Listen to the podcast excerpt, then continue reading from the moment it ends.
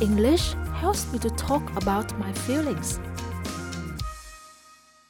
SBS acknowledges the traditional custodians of country and their connections and continuous care for the skies, lands, and waterways throughout Australia. Hello, everyone. My name is Josipa, and you are listening to the SBS Learn English podcast. In today's episode, we'll practice different ways to talk about those moments that leave a bad taste in the mouth. And I don't mean that literally. If something or someone leaves a bad taste in your mouth, it means they were unpleasant, and so you are disappointed and feel uncomfortable. For example, let's say I went to a shop where I felt someone treated me unfairly. I could tell my friends that the way they treated us left a bad taste in my mouth.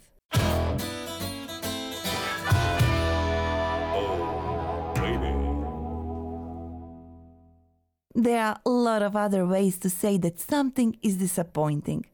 Let's hear phrases Alan and Claire used to talk about a movie that was very disappointing. Well, that movie didn't live up to expectations, did it? I agree. It promised much more than it delivered. It really wasn't all it's cracked up to be. This was such a waste of money. What a letdown.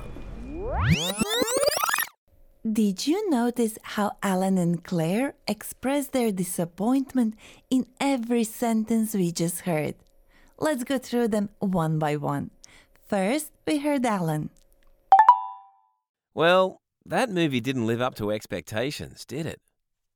This is a phrase that we use quite a lot to say that something wasn't as good as you hoped. For example, you finally tried that new fancy restaurant all your friends are talking about, but the food was disappointing.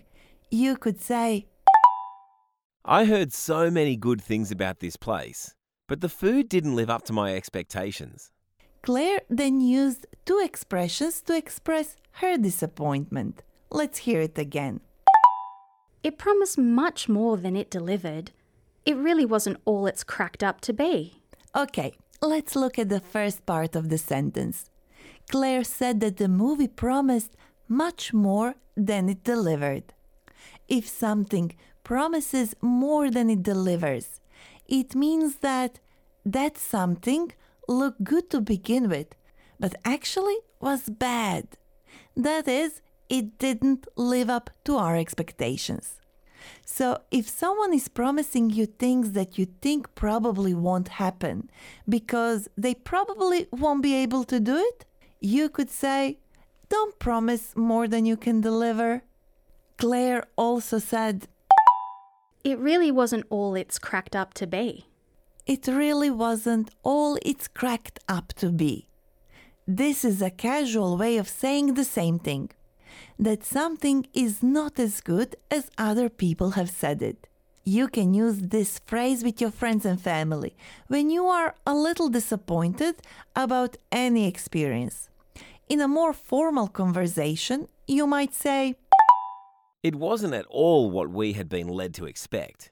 or, It wasn't as good as I thought it would be.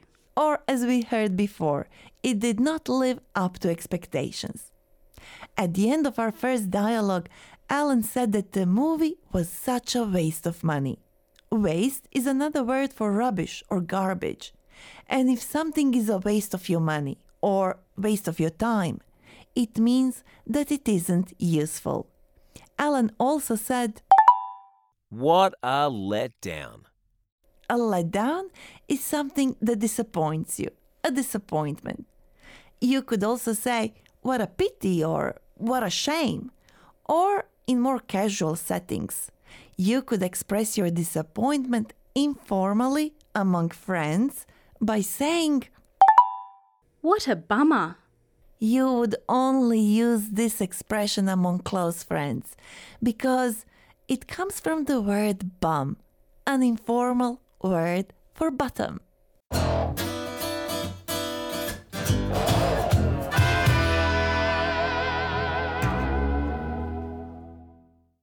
I really hope that we only have to use the phrases we are practicing today once in a blue moon. That is very rarely because nobody likes to get disillusioned, discontented, disheartened, or dissatisfied. By the way, the words disillusioned, discontented, disheartened, or dissatisfied have similar meaning as the word disappointed. These words all start with the prefix dis, which means no or none. And if you want to find out what these words mean and how you can use them, head to our website sbs.com.au slash learnenglish for additional learning notes. Moving on. So Claire and Ellen have been following the FIFA World Cup and have been a little disappointed with how their team has been playing. I had high hopes when the FIFA World Cup started. Now I wish I hadn't bothered watching it at all. Hey, I know what you mean. Looks like our team promised much more than it can deliver. Yeah, I was looking forward to seeing them play, but they're boring to watch because they aren't attacking enough. We have a lot to explain, so we better get into it straight away. Claire said, I had high hopes when the FIFA World Cup started. Now I wish I hadn't bothered watching it. I had high hopes when the FIFA World Cup started. If you have high hopes, you strongly feel that something good will happen. Claire also said, I wish I hadn't bothered watching it. Claire wishes she hadn't bothered watching the cup, meaning she regrets taking the time to watch the World Cup. You can be also be bothered by something, and if an issue bothers you, there is something that worries, disturbs, or upsets you. We can also express our disappointment with the phrase, I was looking forward to it, but something else happened. Just like Claire did when she said, I was looking forward to seeing them play, but they are boring to watch because they are not attacking enough. I want to share with you a phrase that it's not related to today's topic, but Claire just reminded me. Um, so, if your soccer team is playing a defensive game without trying to attack the opposite team, just like Claire's, you could say, My team has parked the bus. The English language can be so funny sometimes. Wouldn't you agree? Today, I invited my colleague from SBS German, Wolfgang Müller, to talk about disappointment. Although a different kind of disappointment, isn't that right, Wolfgang? And thank you for joining us today. Hi, Josipa. It's great to be here. Well, yes, when I heard that you were doing an episode on phrases about disappointment, I wondered if you know that Australia has a mountain called Mount Disappointment. No, I never heard of it. Where is it? Mount Disappointment is on the traditional land of the Kulin Nation of Aboriginal Australians, and it is on the southern end of the Great Dividing Range in Victoria. It takes about an hour to drive there from Melbourne. Okay, but who and why named this mountain Mountain Disappointment? Actually, Josipa, it's a funny story, that one. And it goes back 150 years when British explorers Hume and Hovell climbed on the mountain hoping to see the distant Port Phillip Bay. But once they were up there, they couldn't see anything because there were too many trees.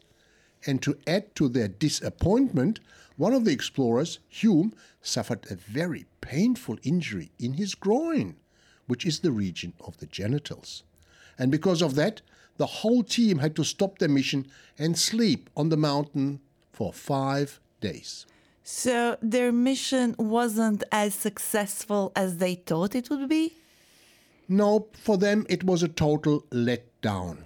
So they recorded their feelings in the name of the mountain. But is this mountain really so disappointing?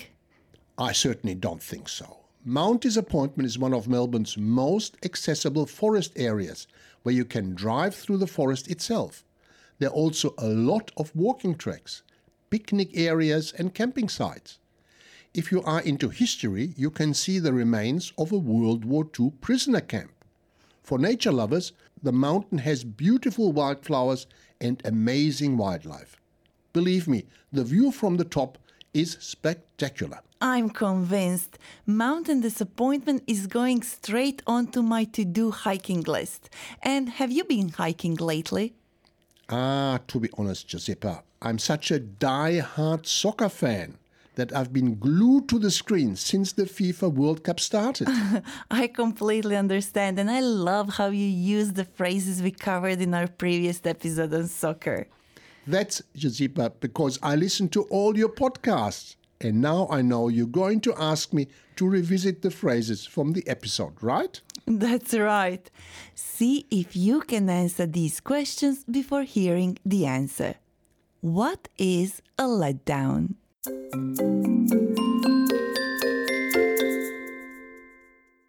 A letdown basically means a disappointment. So if someone or something disappoints you, you can say, "Hmm, What a letdown. What does once in a blue moon mean?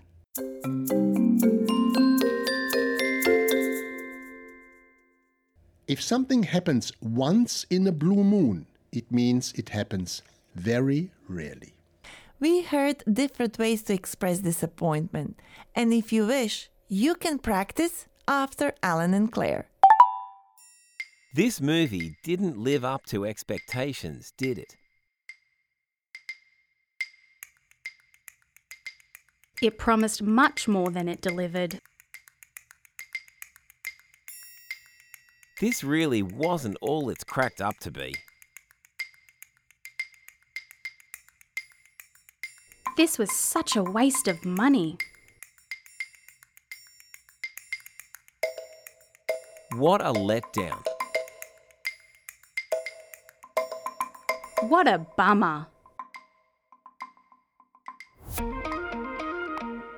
That's all we have for this episode.